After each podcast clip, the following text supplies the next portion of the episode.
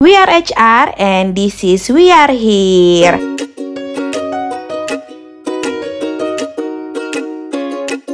Halo teman-teman semuanya, kenalin nih, balik lagi sama aku, Rianti Kusuma Dewi, biasa dipanggil Riri, aku dari Employer Branding Team Paragon Teknologi and Innovation. Udah lama banget ya teman-teman kita nggak ketemu, dan hari ini aku kedatangan dua anak muda yang keren-keren nih teman-teman. Mereka berdua ini adalah Paragon Kampus Ambassador. Nah, kita kenalan yuk sama teman-teman kita ini. Yang pertama ada Kak Eza Mutia. Halo Kak Eza. Halo Kak Riri. Halo semuanya, kenalin aku Eza Mutia Separensi, biasa dipanggil Eza. Aku mahasiswa Farmasi UI 2017. Oke, dan satu lagi nih uh, teman kita yang gak kalah keren juga namanya Faiz Arsyad. Silahkan kenalin diri kamu Faiz. Halo, terima kasih Kak Rianti. Ya teman-teman semuanya, perkenalkan nama saya Faiz Arsyad, asli Bandung, tinggal di Bekasi, dan saat ini adalah mahasiswa semester akhir Fakultas Pertanian Universitas Brawijaya. Salam kenal semuanya. Oke, Faiz ternyata orang Bandung ya, sama dong. Aku juga orang Bandung nih. Bandungnya di mana nih, Is? Kalau aku Bandungnya di Rancaekek. Kalau Kak Rianti di mana? Kalau aku di Tegalega. Tuh Tegalega nggak? Tahu, tahu, tahu. Berarti agak jauh lah berarti dari aku ya, Kayak. Ya? Kalau Bandung mah segitu-segitu aja sih. Kalau misalnya Eza, dari mana nih, Za? Aku dari Palembang, Wong Kito Galo, Kak. Oke, jauh juga ya. Berarti yeah. uh, di Jakarta ini ngekos dong? Uh, iya, kalau kalau di Jakarta ngekos. Oke. Nah, teman-teman, malam ini aku bakalan ngobrol-ngobrol nih bareng Eza dan Faiz mengenai inovasi yang uh, bisa dibilang inovasi mereka berdua ini keren-keren loh teman-teman. Nah, inovasi mereka yang keren-keren ini bahkan sudah apa ya mungkin uh, bisa bersaing lah dengan uh, secara internasional gitu ini membuktikan bahwa orang-orang Indonesia tuh pinter-pinter loh gitu. Teman-teman mahasiswa pun pinter-pinter loh gitu ya. Nah jadi tanpa banyak uh, bicara nih kita langsung aja mungkin kita tanya ke Eza dulu kali ya. Oh boleh kak. Kenapa ini kak? Oke. okay. Eza, nih menurut kamu inovasi itu apa sih? Uh, kalau menurut aku inovasi itu merupakan satu hal yang dapat uh, menciptakan sebuah solusi di tengah permasalahan yang ada di masyarakat gitu loh kak. Oke, kalau misalnya menurut Faiz, inovasi itu apa sih Is? Keren, aku tadi juga setuju sama apa yang disampaikan oleh Eza. Dan aku nambahin, jadi inovasi itu kalau dari sudut pandangku adalah satu hal baru yang belum pernah ada sebelumnya. Dan kalau dari sudut pandangku juga, yang namanya inovasi itu lahir dari adanya masalah dan dari adanya peluang. Nah, sehingga kalau dari sudut pandangku, inovasi seperti itu. Oke, oke. Nah, kenapa sih kita ngomongin inovasi gitu ya di hari ini? Karena nanti tanggal 27 dan 28 Maret kita akan ada event besar yang diadakan oleh Paragon yaitu Paragon Innovation Summit 2.0 gitu ya. Kita juga pengen ngajak teman-teman yang dengerin podcast kita kali ini bahwa sebenarnya inovasi itu dekat loh teman-teman. Nih salah satunya Eza. Eza inovasi kamu apa sih kalau boleh tahu? Uh, kalau inovasi aku kemarin aku tuh sempat membuat suatu produk anti aging kak dari suatu tanaman uh, yang namanya itu Ficus deltoidea yaitu tanaman penggagan pasti udah udah biasa banget di, dikenal oleh masyarakat sekitar. Jadi uh, tanaman ini mengandung antioksidan yang bisa memberikan efek anti aging bagi uh, suatu produk-produk gitu loh kak. Oh gitu, jujur aku nggak tahu sih tanaman itu karena mungkin dulu aku kuliahnya kuliah teknik geofisika ya, yang aku tahu itu batu lempung, batu gamping gitu ya. Yeah. Apa sih itu tanaman apa sih Za? Itu sebenarnya tanaman uh, bisa dibilang tuh tanaman liar juga bisa dibilang begitu kak. Jadi dia tuh benar-benar mudah untuk dikembangbiakan uh, dan uh, banyak antioksidan di dalam yang bisa memberikan efek anti aging bagi uh, suatu produk kak Jadi kalau misalnya kita olah dengan beberapa uh, senyawa tambahan tuh bisa banget bermanfaat uh, buat anti aging. Oh gitu. Dan tanaman itu banyak ditemukan di Indonesia. Banyak banget kak, karena Indonesia juga kaya banget akan tanaman-tanaman um, yang mengandung anti aging. Jangankan tanaman, tapi juga bisa kayak uh, buah-buahan gitu itu juga bisa digunakan sebagai uh, produk anti aging kak. Tapi kan kita kemarin emang fokusnya ke tanaman tersebut kak.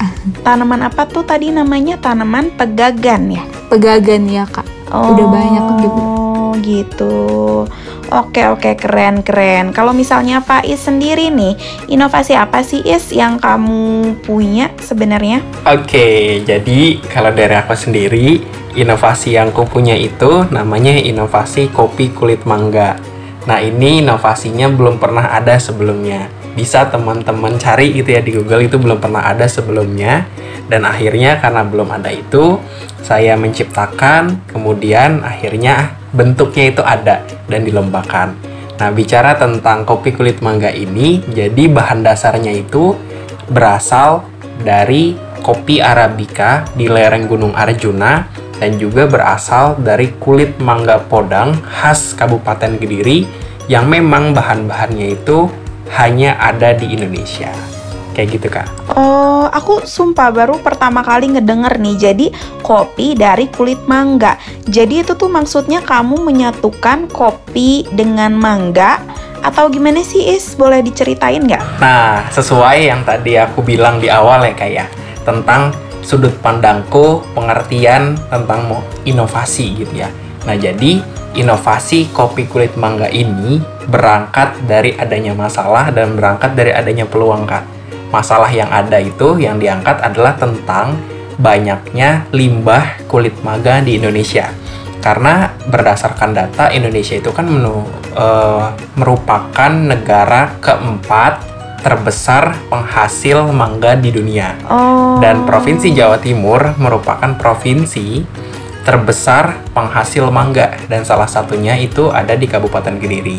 Ketika kita melihat ya tingginya produksi mangga di Indonesia otomatis kan akan menghasilkan limbah kulit mangga ya kan kak? Nah dari masalah inilah kemudian akhirnya kita angkat dan kita berangkatkan. Kemudian kita juga melihat dari adanya peluang peluang dari kopi yang memang sekarang kan coffee shop sudah mulai menjamur di mana-mana. Betul betul betul. Terus banyak ada dan terus berkembang gitu loh. Kemudian kopi juga sudah menjadi gaya hidup bagi sebagian besar anak muda di Indonesia. Nah, oleh sebab itu, dari adanya masalah dan dari adanya peluang tersebutlah akhirnya lahir inovasi kopi kulit mangga berbahan dasar kulit mangga podang khas Kabupaten Kediri dan juga berbahan dasar dari kopi Arabica di lereng Gunung Arjuna yang memang cuma ada di Indonesia. Dan kita juga menggunakan sistem zero waste alias bebas limbah yang gimana caranya kita bisa menggunakan keseluruhan dari buah mangga itu sampai habis hingga tidak menghasilkan limbah yang nantinya dapat mencemari lingkungan. Kayak gitu sih, Kak. Oh, gitu. Untuk kopinya itu khusus kopi yang ada di lembah lereng Gunung Arjuna doang gitu, Is? Iya, benar. Jadi, emang yang kita angkat dan yang kita ambil itu adalah kopi Arabica khas lereng Gunung Arjuna. Nah, kenapa? Kita menggunakan kopi Arabica yang ada di lereng Gunung Arjuna karena kebetulan di lereng Gunung Arjuna itu ada hutan Universitas Brawijaya kak. Nah kebetulan saya juga adalah mahasiswa Universitas Brawijaya kan. Nah karena memang ada hutan di sana dan kebetulan sebagian besar masyarakat petani di sana itu menanam kopi, akhirnya saya bermitra dengan petani tersebut. Nah, dengan cara saya berkoordinasi dulu, berkomunikasi dulu dengan pihak fakultas, hingga akhirnya saya bisa bermitra dengan petani yang ada di lereng Gunung Arjuna untuk kemudian bisa gitu kita gunakan kopi arabikanya sebagai bahan dasar dalam pembuatan inovasi ini. Kayak gitu sih kak. Oke, jadi sebenarnya ini ada banyak banget ya kayak manfaatnya. Pertama, kamu bisa mengembangkan inovasi-inovasi yang eh, mengembangkan orang-orang yang ada di sekitar kamu gitu ya. Eh, mengembangkan petani-petani, terus kamu juga bisa membantu sustainable dari Indonesia sendiri gitu ya supaya zero waste gitu kan ya Is ya? Iya benar kebetulan dari inovasi ini pula ya kemarin itu saya sempat dikomunikasikan dengan beberapa pemangku kepentingan dan memang tujuan dari beberapa pemangku kepentingan itu yaitu pejabat di level pemerintahan daerah itu sebenarnya mereka itu ingin mengadakan pelatihan yang mana ingin memberdayakan masyarakat yang ada di daerah sana agar kemudian saya bisa mensosialisasikan, bisa memberikan gambaran tentang pemanfaatan lain dari kulit mangga. Karena sebelumnya itu kulit mangga itu hanya sekedar dijadikan sebagai keripik, Kak. Nah, kalau misalkan dijadikan sebagai keripik, itu nilai jualnya kan kurang. Jadi nilainya tuh kurang lah. Nah, kemudian akhirnya adalah inovasi kopi kulit mangga ini yang kemudian akhirnya inovasi ini bisalah dijadikan alternatif lain untuk kemudian menjadi sebuah produk yang memiliki nilai jual tinggi, yang memiliki nilai jual yang lebih, hingga kemudian bisa menjadi sumber pendapatan baru bagi masyarakat yang ada di daerah. Kayak gitu sih, Kak. Oke, keren banget nih, keren banget. Jadi, eh, buat temen-temen gitu ya, uh, teman-teman mahasiswa gitu jangan takut untuk berinovasi karena sebenarnya inovasi itu dekat banget loh salah satunya ini Faiz yang bisa menciptakan kopi kulit mangga gitu dan memberikan banyak sekali manfaat buat lingkungan dan orang-orang yang ada di sekitarnya gitu ya. Nah, kalau misalnya kita balik lagi nih ke Eza. Iya, Kak. Eza boleh ya, boleh ceritain lagi dong Za tentang anti agingnya kayaknya ini relate banget ya sama produk-produk di Paragon. Karena Paragon sendiri kan ada salah satu produknya itu untuk anti aging gitu ya Jangan lupa nanti kalau misalnya udah lulus join ke Paragon ya Eza ya. Oke kak, siap. Jadi kak basically uh, inovasi yang saya buat tuh emang uh, trigger itu emang dari uh, lomba itu loh kak Industrial Case kemarin yang diadakan oleh International Pharmaceutical Student Federation di IPPS Bandung 2018. Nah jadi itu tuh yang ada di ITB bukan sih? Iya bener kak yang ada di ITB tahun 2018 dan iya iya iya iya. iya Ingat ingat ingat ingat. Hmm. Jadi tahun 2018 kalau nggak salah Paragon juga join kan ya sama event APPS itu ya? Iya, jadi sponsor utama kalau nggak salah kak saya ingetnya. Karena saya dapat produk, terus dapat juga beberapa merchandise dari Paragon kak pada saat itu. Jadi dulu emang waktu tahun 2018 juga aku join ke event itu buat ngendel acara EPPS. Jadi waktu itu kayaknya kita ketemu ya. Iya kayaknya, tapi kita belum kenal loh kak. iya iya iya bener-bener bener.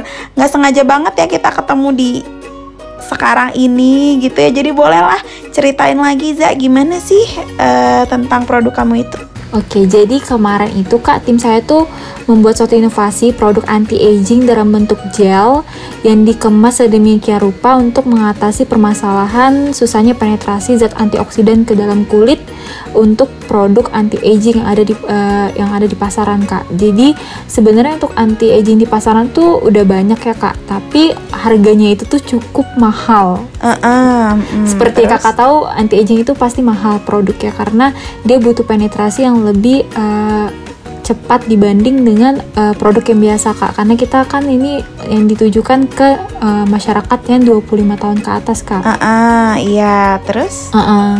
Terus uh, kemarin bedanya kita dari produk-produk yang lain karena kita menggunakan uh, suatu device yang namanya itu nanopartikel. Jadi kita milihnya tuh fitosom karena dengan uh, pemilihan fitosom sebagai device dari anti aging ini sendiri itu memberikan efek penetrasi yang cukup baik dan uh, lipofilisitas yang baik terhadap uh, produk yang kita uh, buat kak jadi itu sih kak tapi basically uh, kita itu menemukan inovasinya itu tuh untuk menemukan suatu inovasi itu kan kita harus ada situ, uh, situasi yang men, yang memang mem, memberikan uh, trigger untuk menemukan suatu uh, respon terhadap uh, permasalahan tersebut kan kak. Nah jadi kita emang mencari suatu ide yang solutif yang pastinya itu visible, yang layak dipakai untuk semua kalangan masyarakat baik itu mau di kalangan bawah maupun di kalangan atas dan uh, pastinya itu baru juga kak dan uh, relevan terhadap permasalahan yang ada di masyarakat yaitu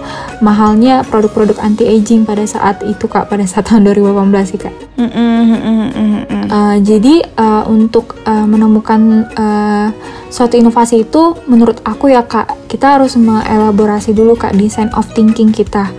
Jadi karena design of thinking itu tuh merupakan suatu kayak human center design process. Contohnya uh, dari kata kunci yang diberikan oleh PPS kemarin kan cuma anti aging dan uh, ficus deltoide ya kak. Tapi kita bisa mengelaborasi kata kunci itu menjadi suatu uh, keluaran atau terobosan yang bisa bermanfaat bagi masyarakat gitu loh kak. Mm -hmm. Nah terus uh, dengan menemukan inovasi itu kita harus juga mengelaborasi uh, kreativitas kita dan berkolaborasi dengan uh, sejawat kita kak biar uh, mendapatkan insight yang lebih uh, dari kaum kaum yang sudah profesional di bidang tersebut kak. Jadi kita juga sebenarnya untuk uh, menemukan suatu inovasi itu menurut aku uh, emang kita harus menganalisa terlebih dahulu root cause of problem yang ada di masyarakat. Terus kita uh, menghubungkannya dengan uh, data dan fakta yang udah ada di literatur kak dengan cara uh, logis dan sistematis tentunya kak. Karena kalau kita tidak berpikir secara objektif uh, ya untuk apa kita un mengeluarkan suatu inovasi kalau misalnya inovasi itu tidak visible di uh, masyarakat gitu loh kak kalau misalnya tadi aku denger-denger ya cerita dari teman-teman ini berarti uh, inovasi-inovasi kalian ini berasal dari uh, bukan berasal maksudnya tuh inovasi kalian ini pernah dilombakan ya? Iya kak betul. Lombanya secara nasional atau internasional sih kalau boleh tahu? Kalau aku sendiri itu internasional kak kemarin. Internasional ya. Kalau misalnya Faiz sendiri lombanya internasional juga kan ya? Kalau nggak salah. Iya benar kak. Kalian itu uh, Faiz dulu deh waktu itu lombanya bisa tandeman sama negara apa aja sih Is? Bersaing gitu kayak ya sama negara mana aja gitu ya? Iya, bersaing dengan negara mana aja? Oh, nah jadi dari inovasi kopi kulit mangga ini kemarin itu alhamdulillah kita lombakan ke 8 negara kak di dunia. Nah 8 negaranya itu ada di Inggris, ada di Kanada, ada di Rusia, ada di Macedonia, Nigeria dan sebagainya. Dan alhamdulillah juga inovasi kopi kulit mangga ini kemarin pada saat dilombakan itu bisa mendapatkan medali emas, grand prize, dan juga penghargaan platinum di 8 negara di benua Eropa, Amerika, Afrika, dan juga Asia. Dan kenapa dan kenapa kita bisa menang gitu ya? Dan memang kembali lagi berdasarkan inovasi yang telah dibuat karena inovasi ini itu berhasil mengangkat kearifan lokal yang ada di Indonesia dari bahan bakunya. Dan juga inovasi ini memiliki banyak khasiat karena inovasi kopi kulit mangga ini mengandung polifenol, AHA, antosianin, flavonoid, vitamin C, dan E. Nah, jadi dari kandungan-kandungan ini itu ternyata dapat berfungsi sebagai anti kanker, anti diabetes, anti kolesterol, dan menurunkan resiko penyakit jantung. Nah, makanya dari dua hal inilah, dari khasiatnya dan juga dari mengangkat karifan lokal budaya yang ada di Indonesia, kita bisa mendapatkan prestasi dari delapan negara tersebut. Kayak gitu sih kak. Jadi dari jadi ini tuh udah dilombain sama delapan negara gitu ya dan Faiz bisa bersaing dengan negara-negara lainnya ya. Iya benar. Nah kebetulan kalau misalkan kita totalkan gitu ya kak, totalkan itu saya kan ikut di event kompetisi inovasi tingkat internasional. Dan kebetulan di event-event tersebut itu diikuti oleh lebih dari 600 inovator yang berasal dari lebih dari 60 negara di seluruh dunia. Dan alhamdulillah juga ternyata Indonesia bisa membuktikan gitu loh walaupun kita adalah negara yang berkembang, bukan negara yang maju, tapi kita bersaing, kita mampu untuk membuktikan kepada negara-negara yang maju bahwa ini loh Indonesia, kita punya anak muda yang berkualitas, kita punya pemikiran-pemikiran yang cemerlang hingga akhirnya mampu melahirkan prestasi. Walaupun bersaing dengan negara-negara maju. Jadi kita nggak kalah lah. Jadi simpelnya kita juga bisa dan jangan pernah takut untuk mencoba, jangan pernah takut untuk bersaing. Kayak gitu kan. Oke, oke, oke. Uh, Eza juga ya kemarin kompetisinya internasional juga. Dari negara mana aja tuh Za kalau boleh tahu? Dari 21 negara, Kak.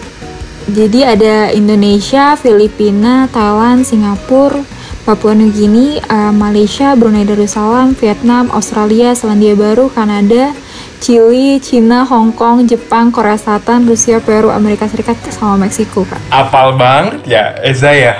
Sebenarnya lebih ke Asia Pasifik. Parah ya, 21 negara hafal ya Eza ya. Iya, 21 negara kak. Oke, kalau misalnya Faiz sendiri kopi kulit mangganya itu udah dipasarin belum sih? Udah dijual secara bebas atau belum sih? Nah, jadi kalau misalkan ditanya sudah dijual atau dipasarkan itu sebenarnya sudah karena kan ada beberapa tahapan hingga kemudian kita bisa mengikuti kompetisi inovasi ini Kak. Jadi pertama itu jelas kalau kita itu harus membuat proposal.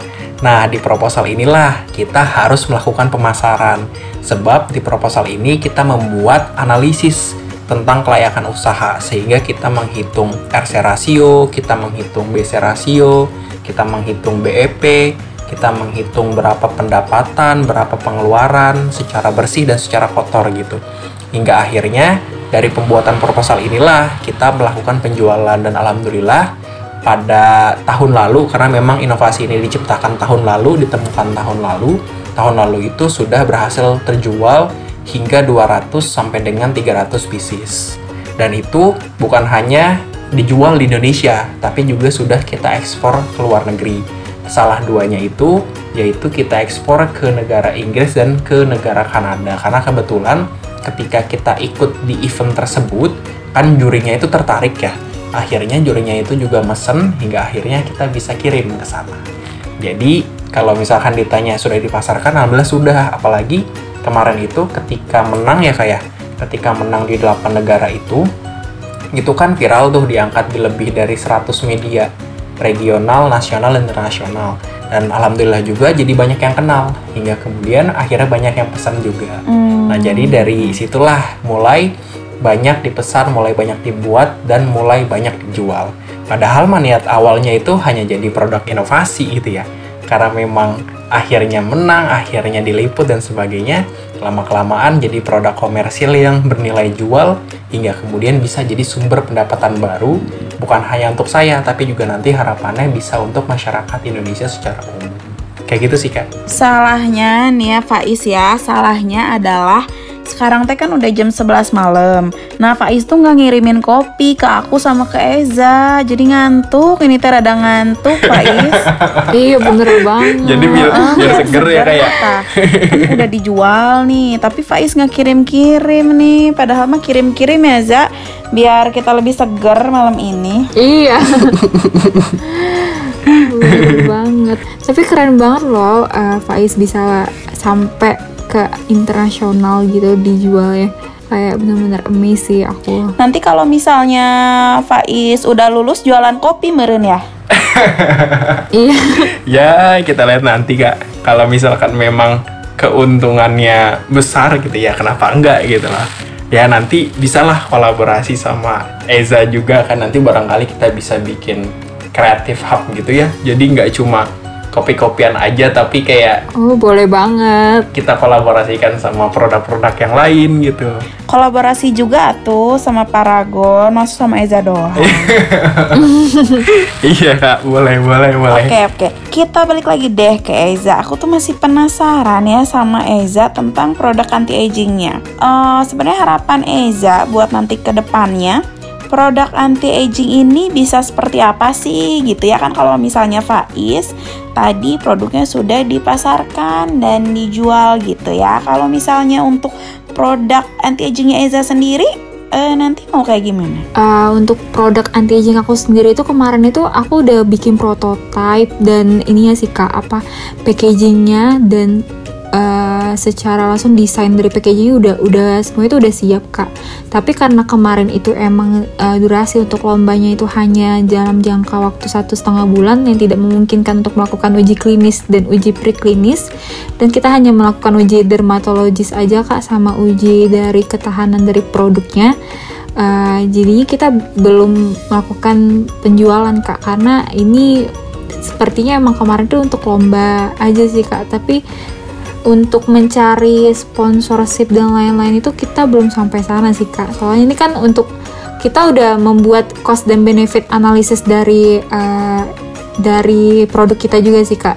Sebenarnya semuanya udah di uh, udah dibuat, tetapi karena emang ini butuh skala besar dan alat-alat yang canggih, jadi kita emang susah untuk melakukan penjualan gitu loh kak. Hmm. Karena basically kita juga masih uh, mahasiswa pada saat itu.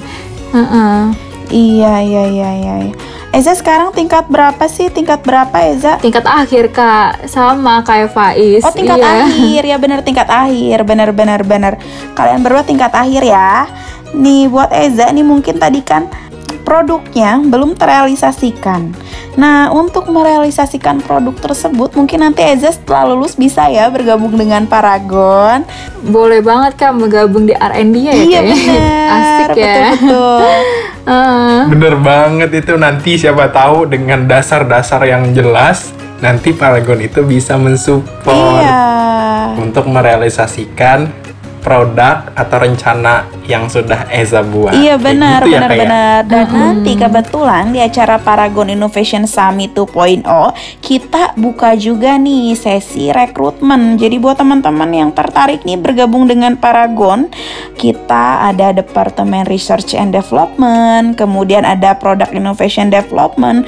Marketing, komersial, HR, SCM dan lain-lain gitu ya.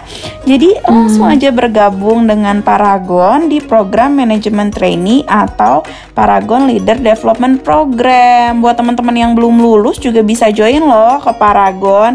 Nanti kalau misalnya teman-teman sudah mengikuti proses rekrutmennya terus dinyatakan lulus, nanti akan kami tunggu sampai teman-teman beres sidang gitu. Enak banget deh pokoknya. Jadi jangan lupa nanti dicoba ya Eza, Faiz. Menarik Parah banget sih, sih. enak banget. Sayang kalau dilewatin gitu aja ya. Jadi kalau punya peluang ya kenapa nggak gabung ke Paragon aja ya kayak? Bener banget. Iya bener. Mana Paragon Bener, kan bener, termasuk bener, bener. uh, perusahaan FMCG terbesar di Indonesia kan kak. Ya, dan mungkin Mm-mm. eh, salah satu perusahaan yang memiliki research and development I- sendiri. Iya, track recordnya juga udah di mana-mana lah. Iya, Udah terkenal di ah, mana-mana. ah, ah, ah. Oke deh, karena eh, udah lama juga nih kita menemani para pendengar podcast kita. Mungkin eh, pertanyaan terakhir nih untuk Faiz dan Eza gitu ya. Kalau misalkan menurut Faiz gitu ya, gimana sih cara buat para mahasiswa mengeluarkan ide-ide inovasinya dan bisa merealisasikan di kehidupan nyata. Oleh- Oke, boleh dijawab oleh Faiz? Oke, jadi kalau dari sudut pandangku ya kak, pertama itu sebenarnya daripada kita bahas tentang cara, kita harus bahas tentang gimana prosesnya dulu. Karena menurut saya anak-anak muda Indonesia saat ini tuh itu rata-rata maunya instan kak. Kalau misalkan mau dapatkan hasil itu maunya yang cepat, nggak mau jatuh dulu, nggak mau eh, susah dulu dan sebagainya gitu loh. Nah oleh sebab itu makanya kalau menurutku pribadi kalau bisa ketika kita pengen mencapai sesuatu yang namanya pencapaian itu pasti akan selalu ada pengorbanan gitu loh. Nggak mungkin yang namanya pencapaian itu tidak ada pengorbanan. Jadi kalau misalkan nanti teman-teman itu punya niat nih untuk bisa eh, berprestasi, untuk bisa menghasilkan inovasi atau mencapai segala hal yang sudah teman-teman targetkan atau rencanakan, teman-teman harus punya niat dan komitmen yang teguh dulu. Sebab apa? Karena sekarang itu banyak yang ketika ikut lomba gagal, kemudian gak mau untuk coba lagi karena trauma, karena takut dan sebagainya. Nah sebenarnya kan hal-hal seperti ini yang salah dan harus kita perbaiki. Jadi ketika gagal, kita harus bangun lagi, kita harus bangkit lagi dan kita harus lari lagi gitu loh. Nah jadi menurutku daripada kita bicara tentang tahapan-tahapannya, lebih baik kita bicara tentang gimana caranya teman-teman bisa menghargai proses yang teman-teman lalui. Nah, oleh sebab itu makanya ketika teman-teman punya keinginan, punya semangat, ya kalau bisa teman-teman mulai dulu dari niat dan komitmen teman-teman semuanya untuk bisa berprestasi, mengembangkan diri, menghasilkan inovasi, dan mengikuti berbagai macam hal positif yang nantinya bisa menunjang diri teman-teman semuanya di masa depan. Kayak gitu sih kak. Oke, kalau misalnya dari Eza sendiri gimana? Uh, kalau dari aku sih kak, sebenarnya kalau untuk suatu inovasi itu berawal dari empati sih menurut aku. Harus ada em Kenapa tuh? karena kalau misalnya kita ada empati, kita mau melakukan hal itu tuh dengan cuma-cuma tanpa dibayar gitu loh kak. Jadi kita emang mau menemukan solusi untuk membantu sesama gitu loh kak. Jadi kalaupun uh, kita itu gagal, tapi kita tetap tahan banting mentalnya kalau misalnya emang kita niat dari awalnya tuh emang emang niat itu ikhlas untuk membantu gitu loh kak.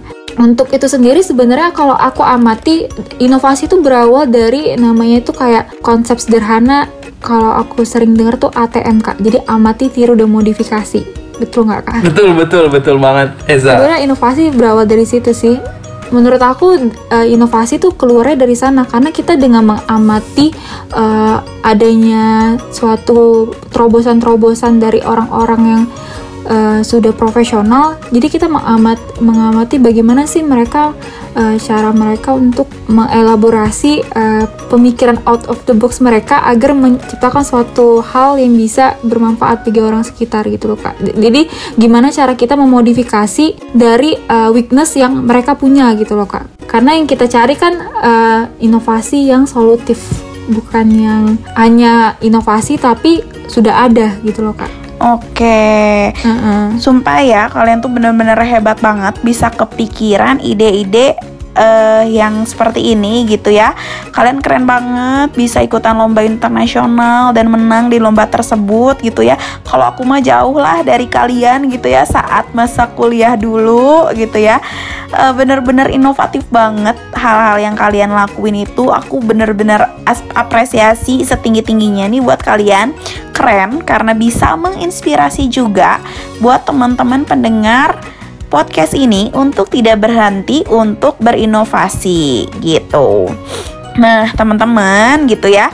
Uh, pesan terakhir dari aku, jangan lupa teman-teman ikut acara Paragon Innovation Summit 2.0 yang akan kita adakan di tanggal 27 dan 28 Maret 2021 nanti karena kita akan menghadirkan berbagai macam pembicara yang sangat inspiratif.